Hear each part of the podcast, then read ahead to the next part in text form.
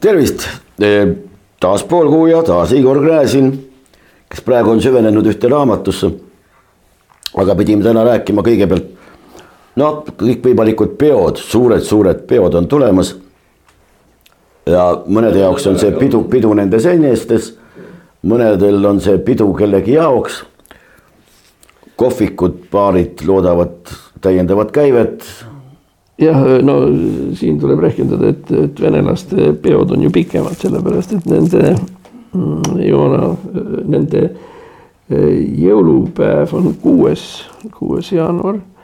ja siis pärast seda uus aasta on neljateistkümnes, sest neljateist. no nendel on pikem, aga meil on nüüd iseseisvused ja igasugused muud asjad tulemas ja, ja, ja suurim skandaal on, noh skandaal. ei, aga ikka jama, oota ja, ja ütleme. kes läheb ja kes ei lähe ja, ja kes ja kas on kohustatud minema, jutt loomulikult meie presidendist. kelle korraldatud vastuvõtmine, pingviinide paraadiks nimetatud. noh, tihtipeale ta enamuses ongi, mõni on küll, tõsi küll, rahvariietest tulnud, mõni on mingites muudes huvitavates kostüümides, kas siis õnnestunud või vähem õnnestunud aga igaüks annab oma parima ja oma parima äranägemise kohaselt. ja keegi ütles seda seltskonda nähes muide väga ilusti, et, et raske on ette kujutada inimest, sirgema rühiga inimest, kui see, kes on äsja, vabandust, püksi teinud. ja kui see seal kõik see seltskond seisab ja nüüd, nüüd, nüüd ongi küsimus, et kas, kas peab minema või ei pea minema. ja noh, ühesõnaga ütleme niimoodi, kasutades äh, vene kriminaalset äh, leksikoni, Schucher on igal juhul üleval. tähendab, kusjuures mitte väike, vaid kohe sihuke päris tõsine. kusjuures selle Schucheri komponendid olid siis need, et ähm, eelmise aasta lõpupoole hakkas juba vaikselt aimuma, äh, et teatud inimesed väldivad seda presidendi vastuvõttu. ja esimesena tegi otsa lahti muide peaminister Jüri Ratas ja ta ütles, et ta puutub noh, perekonnaga muidu nii harva kokku, et siis kasutab juhust, et läheb perekonnale. nii, nüüd see teema hakkas vaikselt nagu ära kaduma. siis tulid isa ja poeg Helmed, kusjuures Martin antud juhul ütles välja selle, mille teised oma keeldumistega olid ette valmistanud, ta ütles, et, et küllakutsuja peaks vaatama kõigepealt peeglist enda peale Äh, näkku, et, et aru saada, mille taga siis noh, asjad seisavad, nii et selles mõttes on nüüd situatsioon selgelt ja lahti. et need ministrid Vabariigi Valitsusest, kes on nüüd oma äraütlemise ära ütelnud, et tegemist on tegelikult mingisuguste ikkagi poliitiliste ja, ja muidu selliste tähenduslike, tähenduslike nüanssidega nii et see oli nüüd siis noh, ütleme see, kuidas antud teema sai alguse. tähendab, ministrid ei lähe presidendi juurde, kusjuures enam või vähem demonstratiivselt ja noh, enam-vähem nii ta ongi öeldud. nüüd selle asja jätkuots on see, et, et neid ministreid võib olla rohkem. mitte ainult äh, Mart ja Martin Helmed, vaid veelgi, tähendab õieti Jüri Ratas, Mart ja Martin Helmed, nii et kolm. aga võib oletada, et sinna tuleb neid veel. ma toon ühe näite selle kohta, minu esimene üle hulga aja ja viimane käik presidendi vastuvõtule oli Eesti Vabariigi sajandal aastapäeval, see, mis peeti, see, mida peeti Eesti Rahva Muuseumis Tartus Raadil ja siis koos prouaga me sattusime üldiselt ka otseselt presidendi lähedale, kes ta sealt kõnet pidas. ja see kõne oli niisugune jubedavõitu. kõige huvitavam oli see, et sajandal aastapäeval, sajanda aastapäeva kõne oli pühendatud kodu- ja perevägivallale, mis oli noh, äärmiselt üllatav nagu, nagu saja aasta tagant ei olekski nagu väga eriti midagi rääkida ja, ja üldse kogu selles õhus oli midagi sihukest noh, tõeliselt ebameeldivat kuidagi või, või noh, noh, ühesõnaga miski oli nii kapitaalselt valesti. ah jaa, muide, see tuletab meelde meile veel ühe asja. et kõik ju ootasid ärevil seda, mm, milliseks kujuneb kontsert presidendi vastuvõtul, mis muide on tavaliselt alati olnud enam-vähem sõnumlik. tähendab ka Ilvese aegadel ja nii edasi, tähendab seal alati on tahetud midagi öelda no antud juhul siis ainus asi, mida taheti öelda, oli see, et president kutsus äh, etendust tegema Tiit Ojasoo, äh, kes oli siis äh, no NO teatri üks juhte sel ajal. kas ta siis oli juba kedagi tümitanud ka või? just, just, just, just, vot ja nüüd tuligi nii, et tähendab, Ojasoo oli enne seda ühte naisterahvast, ma ei mäleta, mis asjaoludel või ma ei ole teadnudki seda oli jalaga löönud või jalaga peksnud, isegi see ei olnud nagu väga selge.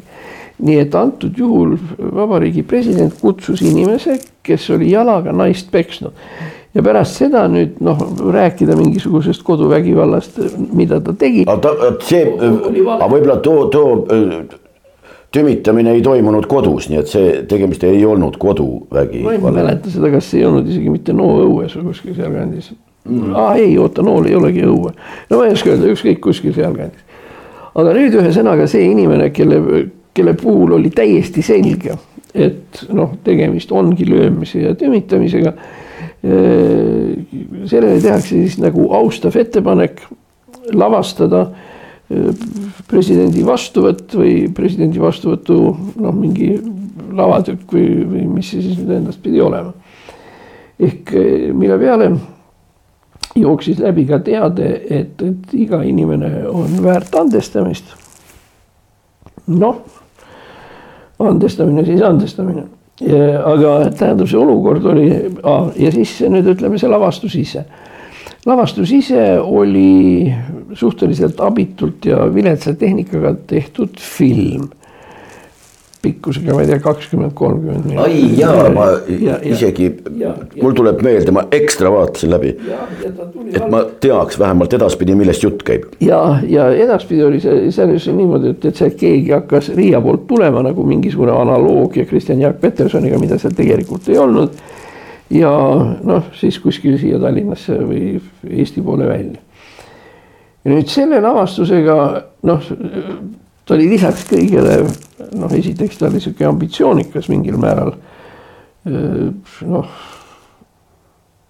aga, aga ta, ta, tema sõnum ja see oli kõige ülimal määral küsitav, sellepärast et noh, nüüd, kui see vend tuleb sealt lõunast, siis ta millegipärast satub metsa, kus töötavad harvesterid ja mingid lambid vilguvad seal ja nii edasi, siis ta jälle jalutab edasi aga noh, arusaamatu, mis asi see oli, aga fakt on see, et see lavastus anti teha summas kolmsada tuhat eurot, anti teha mm, inimesele, kelle noh, nüüd ütleme noh, minevik selles mõttes nagu ei ole eriti puhas.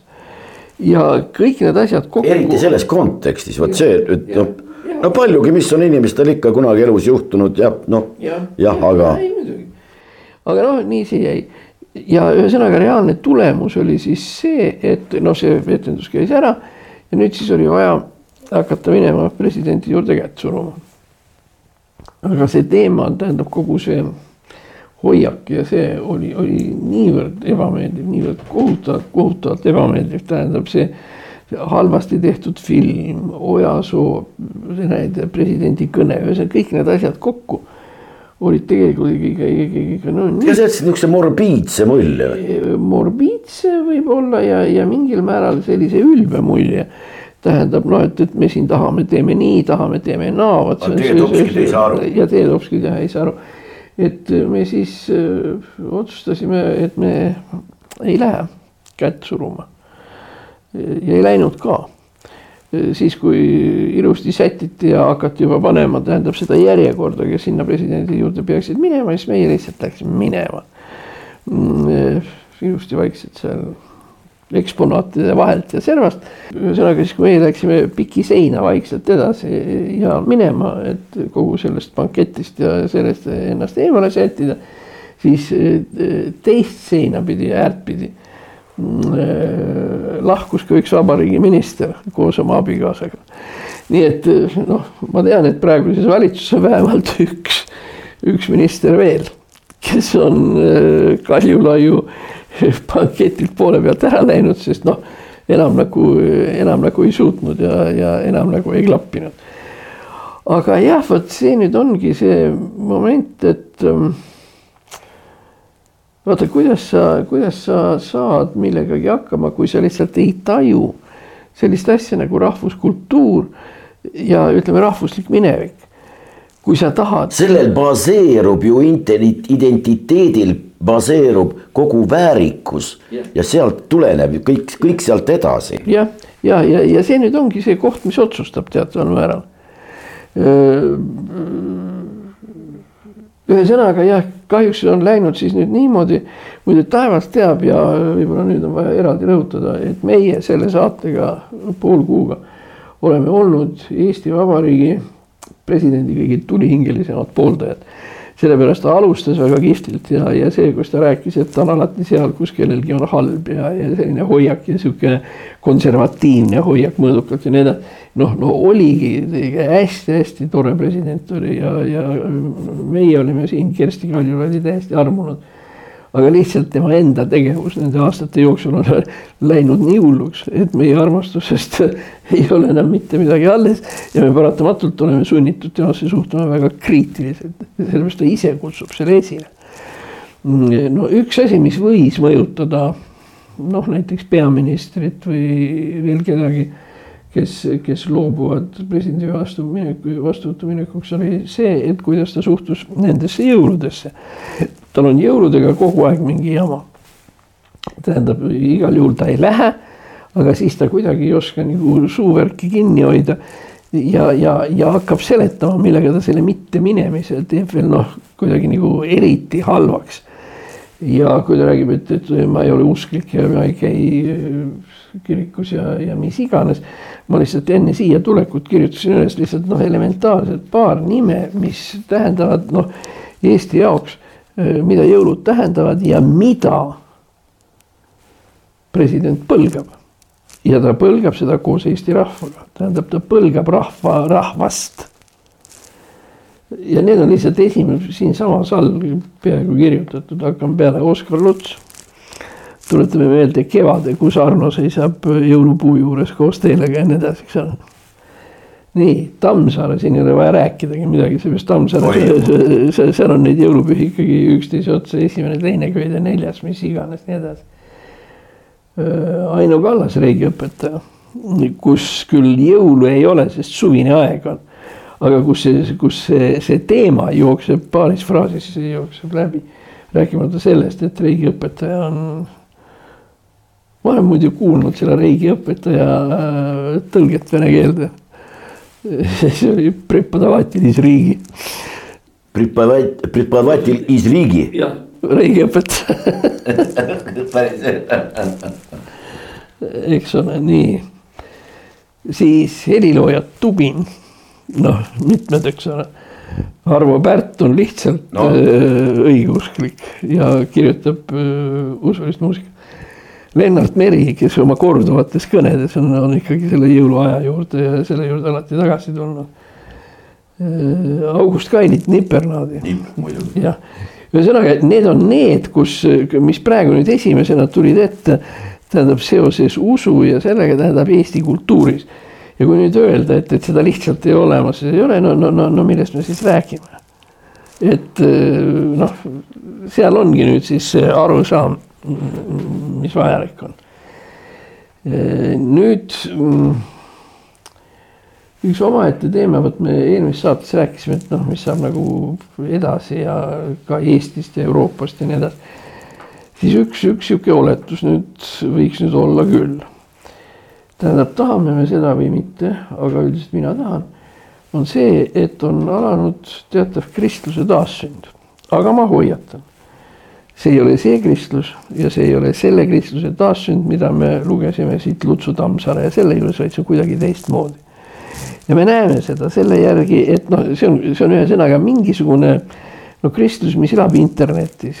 see, see on kristlus, millega puutuvad kokku ja suhtlevad ja käivad äh, koos ja, ja arendavad neid kristlikke ideid, nii edasi. inimesed, need patsid ja patsidega poisid, kes on selle, kes on seotud selle kristliku usuga meil üles kerkinud probleem seoses Annika Laatsiga, et kas homoseksuaalid peavad kirikus olema või ei pea ja mismoodi nad peavad olema nii edasi. no me näeme seda vaidlust, aga me ei märka, mis on selle vaidluse taga. selle vaidluse taga on, et needsamad homod ja patsidega poisid tahavad kiriku juurde tulla. sest muidu oleks neil ju jumala ükskõik, mis kirik arvab ette või taha.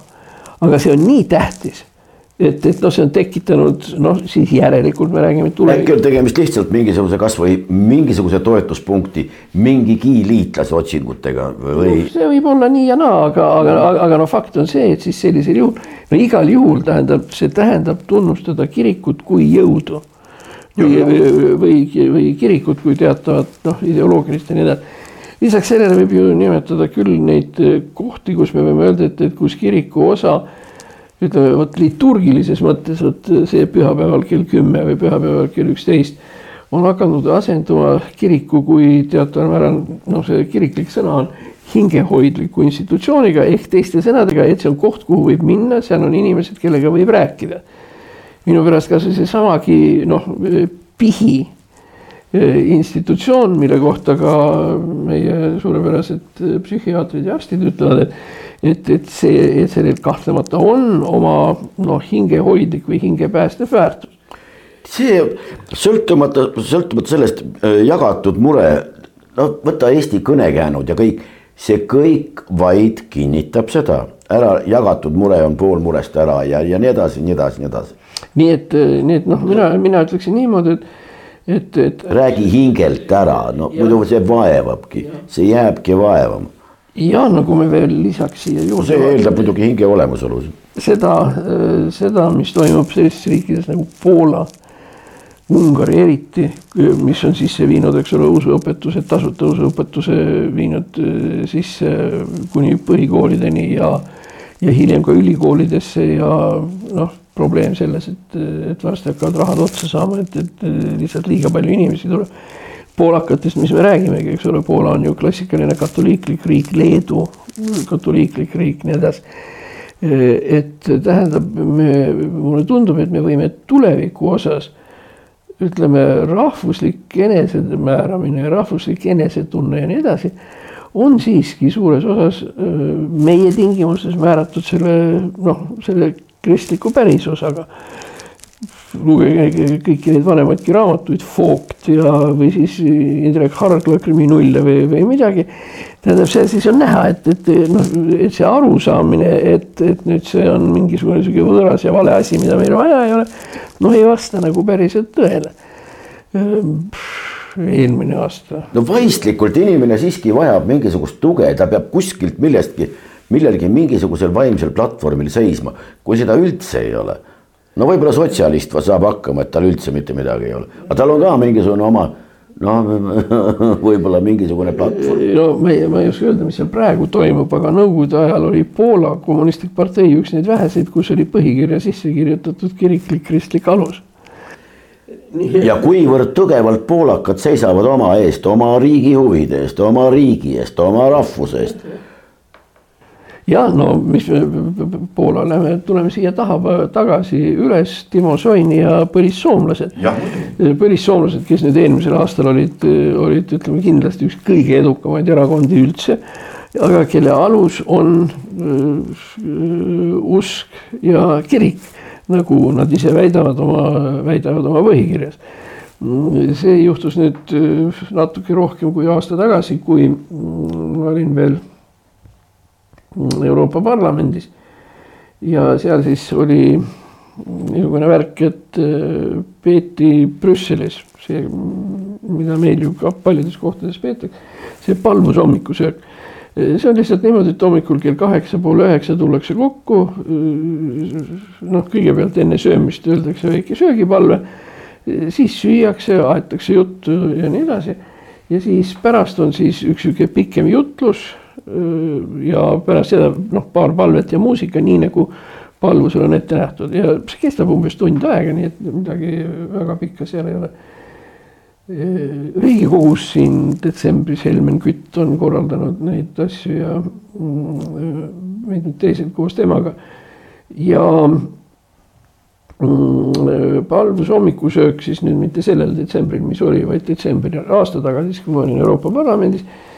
Selle viis läbi ja ütles jutluse ja kõik need asjad ütles Timo Soini, kes on, kes on põlissoomlaste juht ja soom-, soomlaste, soomlaste välisminister. ja noh, mis meid seal oli, meid oli inimest seal kolmsada, nelisada, noh, sest tegelikult ainuüksi parlamendis on seitsesada viiskümmend, aga, aga noh, seal, seal oli ka lihtsalt töötajaid ka. nii et kolm-nelisada istus seal, Timo Soini ütles oma palve ilusti ära ja noh, noh oligi kihvt, sellepärast siis selgus, et, et Soini ongi mingisuguse oma kodukülas või kus iganes olnud jutlustaja. ja ta lihtsalt teab, kuidas need asjad käivad, nii et palun väga, välisminister kohal, piibel kaasas. väga sümpaatne. ja, ja enda taskust võttis selle siukse ära muditud piibli ja luges ette nii nagu, nii nagu kord ja kohus nõudis jah, muidugi väga sümpaatne. Äh, üks huvitav teine raamat, kui me hakkasime praegu soomlastest rääkima, mul ei tule praegu ei see nimi ega autor meelde, nii nagu me sinuga kogu aeg, me kogu aeg viitame raamatutele, mida me ei mäleta. Äh, ühesõnaga, see oli siis pühendatud psühhiaatria haigustele ja psühhiaatrilistele kalduvustele, psühhiaatrilistele probleemidele Soome sõjaväest talvesõja ajal et noh, kus kohas nüüd poisid seal kaevikus istudes, kus nad noh, kus nad noh, ikkagi psüühiliselt äh, läksid umbe ja hukkusid ja nii edasi. ja kes läks lolliks ja kellega juhtus, kes kaotas igasuguse närvid ja tasakaalud ja asjad ja nii edasi. noh, ja seal, seal on veel noh, see eraldi kirjeldus nagu, et, et noh, millised välised faktorid on selle psühhiaatria haige noh, seisundit mõjutanud ja kui seal ikkagi kirjeldatakse niimoodi, et noh, selles pool tundi istud ihu üksinda ja sinu ümber lihtsalt maa tõuseb üles, sellepärast noh, see noh, pommid ja kõik see, mis siin lõhkeb ja nii edasi. no tõesti no imelik, et noh, ime, et seal üldse veel keegi terve mõistuse juurde jäi. aga Soome sõdurid said sellega hakkama ja neil, nende sõjaväelasel oli ka väga võimas psühhiaatriline teenistus. no vot ja ja siis muide tuli jutuks ka see, et millised olid nüüd need väärtused, millest kinni peeti. või, või, või mis asjad olid nüüd need, mis, mis mõjutasid Soome sõdurit, ühesõnaga kõige raskemas situatsioonis. et noh, millele ta mõtles, millele ta lootis, mis asi see võis olla. ja seal nimetati kahte asja, et äh, need olid ema ja teine see asi oli kirik noh, ema sellepärast, et, et Soome sõdurid olid, poisid olid ju nii noorekesed, nad olid seal kuusteist, seitseteist, kaheksateist. nii et noh, nad ei saanud palvetada või loota seal oma tüdruku peale või oma pruudi peale, sest nad olid nii noored, neil lihtsalt enamikul juhtudel ei olnud. aga ema, ema oli see kõige tähtsam, äidi ja, ja teine siis, mis oli, oli tähtis, oli siis kirik ja papp ja ühesõnaga see kirikuõpetaja ja nii edasi ja, et väga sageli seal, kus figureeris, et kus nad pärast ka psühhiaatritele selgitasid, et, et noh, nad olid meelde tuletanud või neil oli meenunud üks või teine jutlus või üks või teine armulaud või nii edasi, et kuidas see oli, see oli nende jaoks vot see, mis nad hoidis nagu maa küljes kinni ja normaalsetena. ehk teiste sõnadega Soome talvesõjas otsustasid ka kirikuõpetajad, kes muide olid ka ise sõdurid. tähendab, seal ei olnud noh, enam olulist vahet, mingit teist mundrit ega midagi. aga lihtsalt oli teada, et noh, vot selles rühmas või seal et.... no vaata, siit tulebki, koorub see välja lõppude lõpuks see maailmavaade, vot meil igasuguste parteide puhul ja väga paljud poliitikad, poliitikud räägivad tihtipeale mingisugusest salapärasest ühe või teise erakonna maailmavaatest, siis maailmavaatest kui sellisest ei ole ma kuskil kohanud eriti, et keegi üldse midagi räägiks, keegi sellest midagi aru saaks ja kui küsida, et no milline see lõppude lõpuks on, on see monoteistlik või on see animalistlik või, või milline see maailmavaade on. või siis pungitatakse silmi, et oot-oot, mida sa silmas pead. siin hakatakse otsekohe rääkima midagi demokraatiast või millest. see on lihtsalt üks riigi ülesehituse viis või vorm ja ei enamat. mis see maailmavaade siia puutub? maailmavaade ongi, sealt hakkab pihta, kus sa ei pea mitte varastama ja sa ei pea mitte valetama ja sealtsamast aga see on omakorda, see on jälle kuskilt vundamendi saanud või, või oma, oma aluse saanud, kus koha peal. ja sealt jõuad, jõutakse kuidagi maailmavaateni, aga no rääkida mingisugustest siin mingit euroopalikest ja, ja siis mingitest muudest asjadest. vabandust väga, see tundub, see tundub esiteks naiivne ja teiseks viitab sellele, et sellest aksioloogiast ehk väärtusõpetusest ei ole nendel rääkijatel aimu ka, noh, nii et äh, üsna, üsna kentsakas pilt on sellel no,. aga kui me võtame siia juurde, tähendab lihtsalt need asjad, mis maailmas nagu paratamatult juhtunud on, no esiteks see, et, et noh, ütleme niimoodi juba siinsamas üleval on kristlik demokraatlik erakond on saavutanud võidu. kui me läheme sinna alla, Poola ja Ungari, kus kristlikud demokraadid on kogu aeg midagi olnud. hiljem on nüüd lisandunud Austria ja kus nende maailmavaate, isegi maailmavaatest on siin vähe rääkida, noh lõppkokkuvõttes noh, ei ole mõtet ju kutsuda Timo Soinit rääkima selleks, et rääkida talle Johannese evangeeliumist või Matteuse evangeeliumist ja väejutlusest. sellepärast ta teab seda kõik ise. ja, ja, ja just need asjad ongi tulnud tegelikult ka laste juurde Poolas, Ungaris, Austrias, kus on tegemist selliste noh, ütleme Hispaaniast kui, sul tegemist selliste iseenesestmõistetavate asjadega, vot see ongi see, mida ma tegelikult praegu nüüd nagu mõtlesin. ma, ma mõtlesin seda, et, et, et noh, tahad või mitte, aga see asi hakkab praegu nüüd edasi kiskuma sinnapoole, et see mingisugune kristlik maailmavaateline alus hakkab tekkima sel lihtsal põhjusel muide, see on nüüd, see ei ole nüüd päris see põhjus, miks kristlik maailmavaade hakkab arenema, aga see on üks faktor, mis peaks kristlikule maailmavaatele ja selle tekkimisele, muide selles ei ole midagi erilist. kristlikus maailmas ei ole mitte midagi erilist, lugege läbi väejutlus, sellest aitab. see on noh, mis on kuus-seitse lehekülge pikk ja seal on kogu see moraaliõpetus sees ja noh, ja ongi nagu peaaegu kõik, kui sa hakkad vaatama seda kuidas, kui hulluks hakkavad ateistid viimasel ajal minema, seesama Greta Thunberg või, või, või nii edasi, eks ole.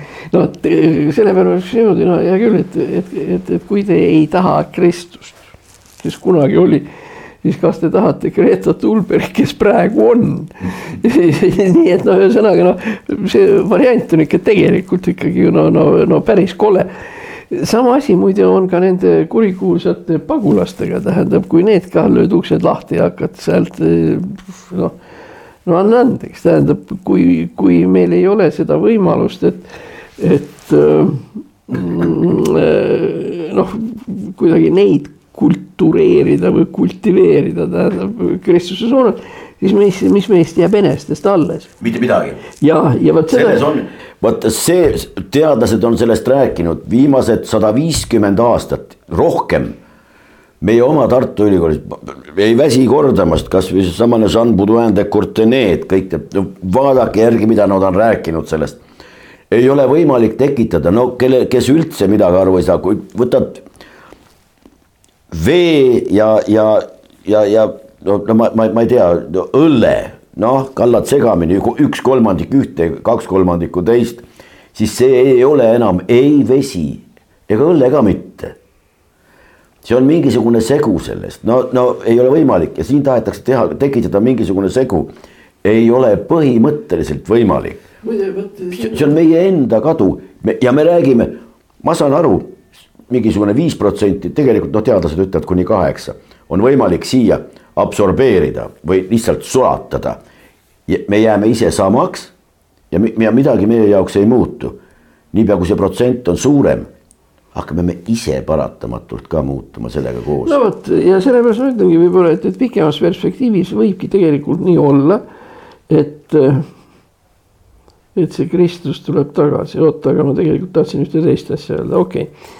vot kus kohas me teeme vea, on see et me allutame oma elu teatavatele numbritele, numbrilistele näitajatele. tähendab, meile on tähtis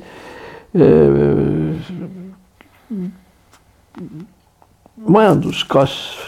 jah, kuus protsenti, suurepärane, mingisugune, mida see tähendab? sisemajandus, sisemajanduse koguprodukt ja nii edasi ja neid on väga palju, neid kõige, kõige hullem, et, et noh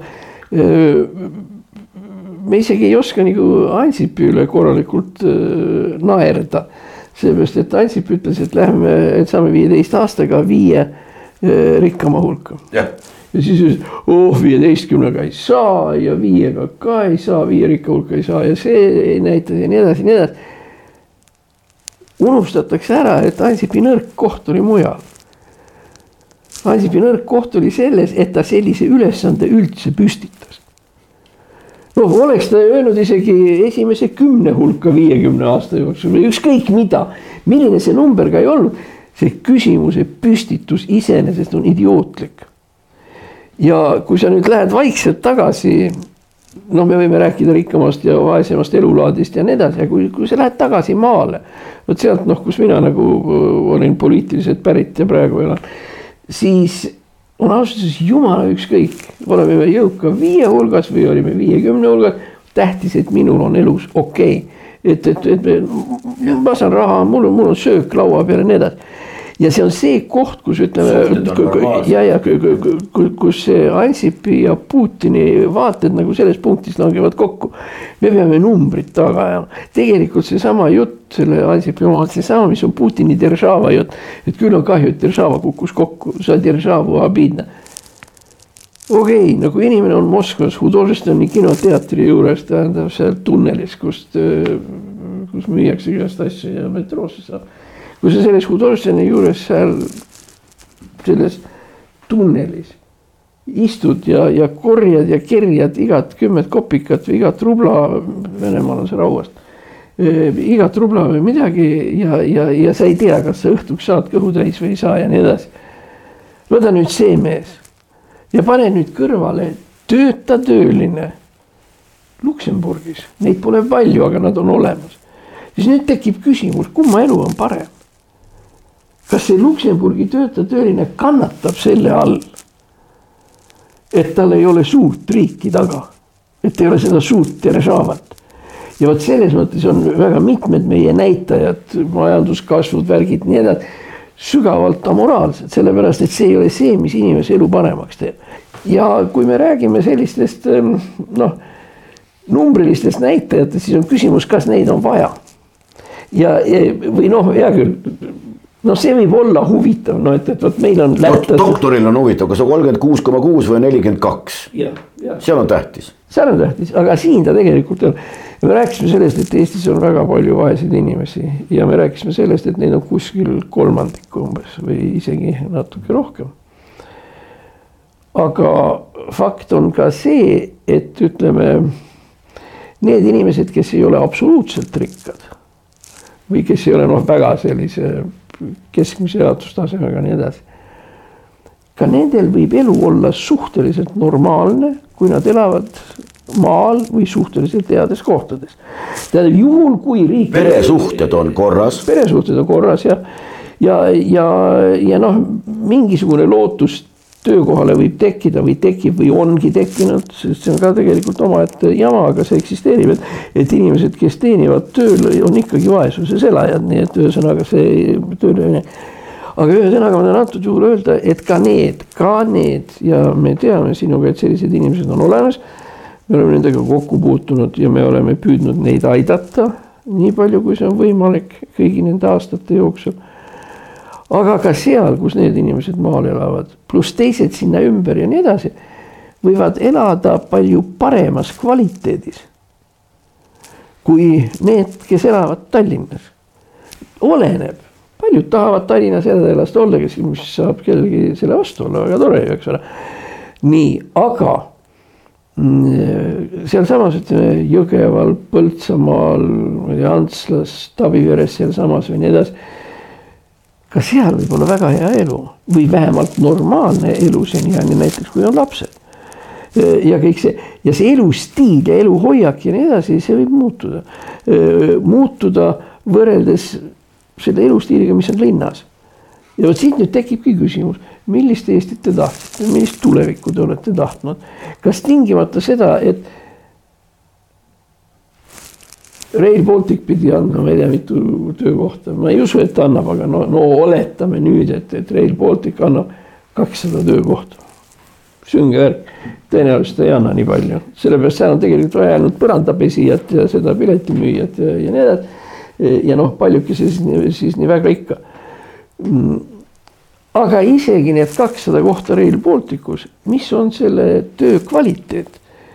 sellepärast ükskõik, mida ta ka ei teeks, pesku põrandaid või, või mida tahes. fakt on see, et nendest kahesajast, kas kõik või enamus peavad tööl käima maalt. pane lisa siia juurde, ma ei tea, mitu tund sinna, tund tänna, eks ole töökohale ja töökohale tagasi. kui paljud praegu inimesed käivad Tallinnas tööl Jõgevalt ja, ja sealtkandist. Rääkimata Raplad, rääkimata Märjamaad. jah, Raplamäe.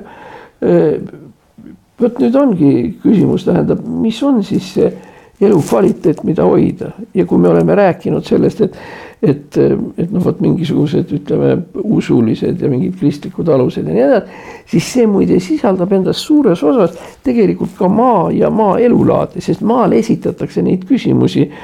Miks ma elan, kuidas ma elan, varsti tuleb surm, mis saab siis siin sündisid lapsed, me ristime nüüd need, neid küsimusi esitatakse seal rohkem. no seal tuleb selle reaalsusega rohkem kokku puutuda, vaata see linnades ehitatakse, luuakse tihtipeale, elatakse näilisuses ja seda näilisust luuakse kogu aeg juurde.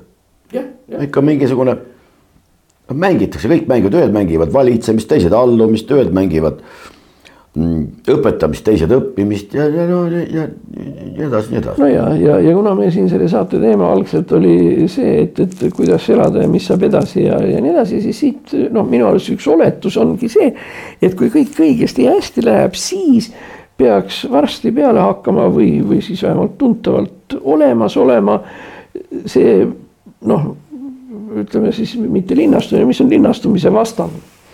Noh, deurbaniseerumine. Ütleme niimoodi provints, provintsiaalne.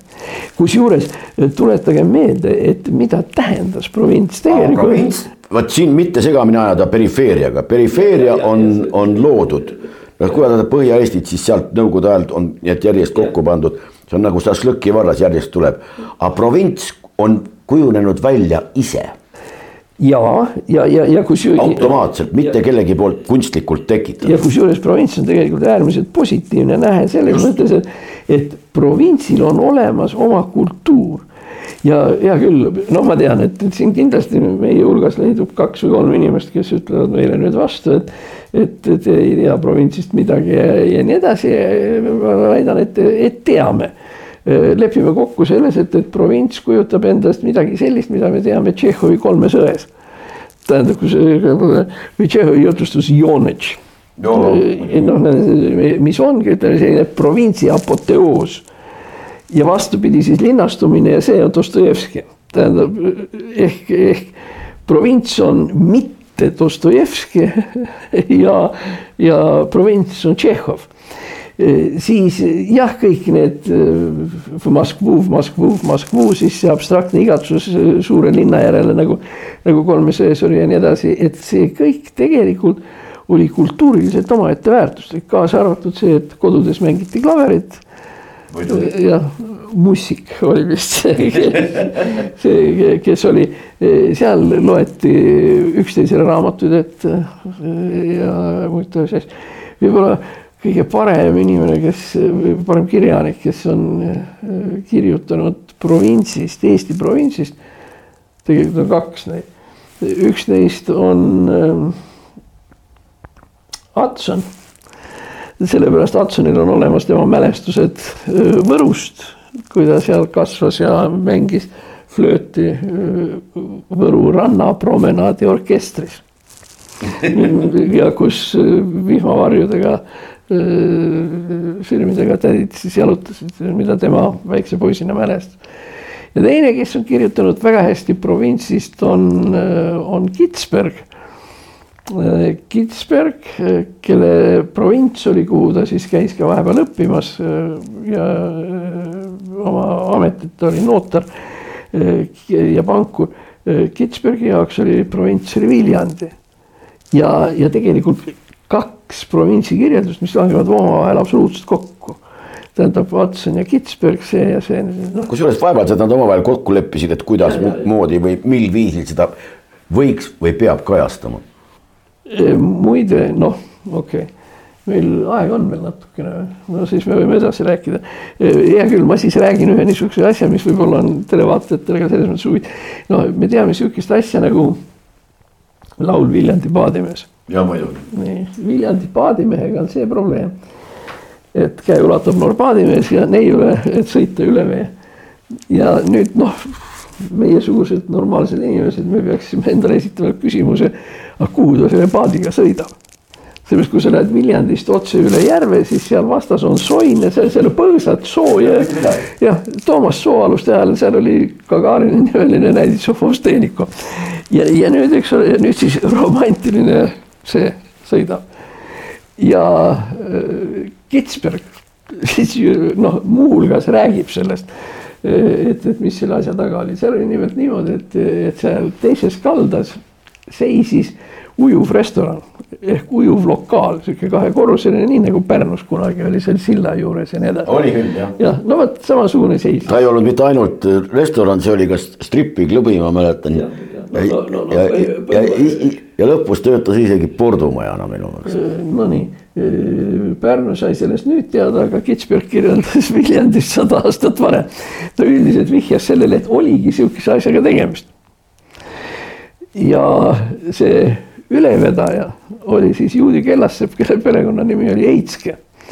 ja, ja ta ütles, et see oli kaheksakümne viie aastane vanamees, tähendab musta selle kaabu ja, ja nende mustade patsidega, nii nagu noh, usklikel juutidel oli. jah, jah, päris õige ja, ja siis noh, tema siis pani seal, kusjuures tähendab noh, Kitsberg just vihjab sellele, millest sina nii labaselt rääkisid et ta just vihjab sellele, et, et tema siis teenindas nii kundesid kui ka, kui ka siis vastavaid teenistujaid. nii et okei okay,, muide noh, ja kui nüüd keegi tahab seda asja kontrollida, kas see vastab tõele ja, ja kuidasmoodi, siis palun lugeda Kitsbergi raamatut Ühe tuuletalle ja noorpõlve mälestused mis olid tema noorest põlvest. aga no hea küll, tegelikult me hakkasime rääkima ju hoopis sellest äh, provintslikkusest. aga provintslikkusega on nii, et ta sünnib, sa ütlesid õigesti, väga suuresti iseenesest. provintslikkus sisaldab väga palju positiivseid momente nagu noh, ütleme noh, teatav, teatav kogukondlik, kogukondlik ja. intiimsus ehk kõik kõiki tunnevad mis on muidugi ühest küljest negatiivne, sest noh, sa ei taha, et kõik sinust kõike teavad. aga noh, aga see käib ka nagu selle asja juurde. üldiselt närvid puhkavad. üldiselt on seal enam-vähem normaalne see töökeskkond. rääkimata sellest, et, et väga normaalne puhke ja, ja laste kasvatamise keskkond. ja kui nüüd ütleme, kõik see on olemas, siis riik omalt poolt selleks, et oleks eestiliku provintsiga tegemist peab tegelema sellise asjaga, et ta peab taastama kaduma läinud postkontorid. vähemalt aitama kuigi palju kaasa kohalikule kaubandusele, mõistagi mitte riiklikul moel, vaid sel teel, et, et noh, tagada see infrastruktuur, kui on tõeliselt vajalik, ütleme, et, et toidukaubad ja nii edasi, et, et noh, see vedamine tasuks ennast ära ja nii edasi, seda pärast näeb, kui need asjad vussi lähevad, et teatud osa infrastruktuurist ei tööta ja mm, noh, vot kui kõik need tingimused on täidetud enam-vähem, siis ma arvan, et siis noh, see võib taastuda. mis tähendab, lähme uuesti tagasi, milline on Eesti, et Eesti on niisugune vaikne ja rahulik koht, kus noh, Tallinn tegelikult ei representeeri ega ei esinda Eestit, Eestit mitte mingil juhul. kusjuures ehkki see illusioon on muidugi Tallinnas täiesti olemas. jah, aga, aga nüüd lähme jälle, eks ole, tagasi, et äh, tegelikult ähm, noh, äh, vot äh, Raja Teele mm, ütleb, et tal läheb mehele ainult põllumehele, põllumehele ja, ja nii edasi.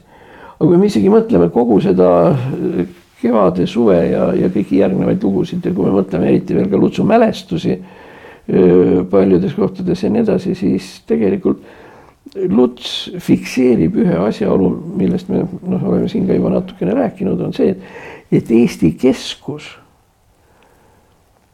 ja Eesti olemus Eesti keskus, Eesti rahvuslik identiteet on tegelikult, on alev.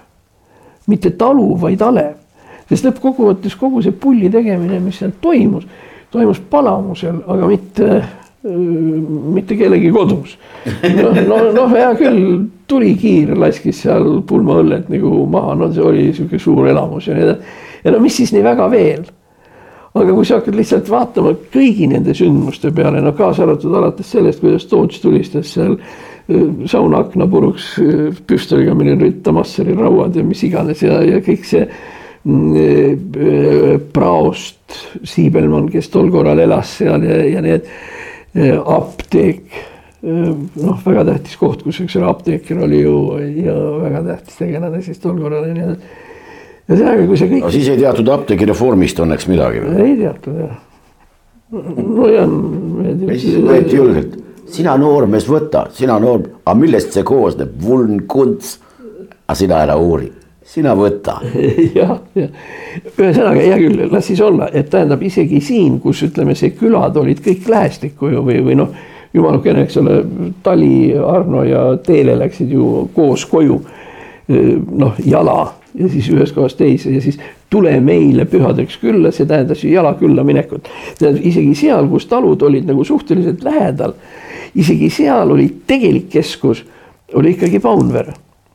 noh, kaasa arvatud, eks ole, Lutsu sügises näiteks see, see Paunvere vallamaja, kus nad siin jagasid Vabadussõja maid kiirele ja, ja mis iganes ehk ma tegelikult väidan seda, et, et noh, vot sihuke, kui, kui sa tahad, kui ma tahan ennast väga tunda sellise Eestimaa peal, siis selle jaoks peabki minema Antslasse ja, ja Tormasse ja sellistesse kohtadesse, mis ongi sellised väiksed ja noh.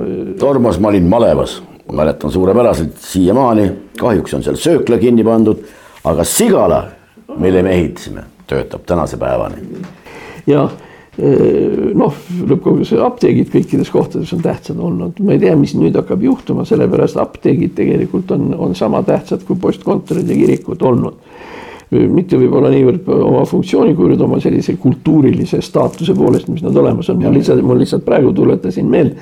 sa nimetasid seda apteeki, mul lihtsalt see automaatselt tuletas meelde see hästi tore ja sümpaatne apteek Põltsamaal, kui sõidad üle silla sisse, siis kohe seal otsas seal vastas nagu, nagu noh tõeliselt kena.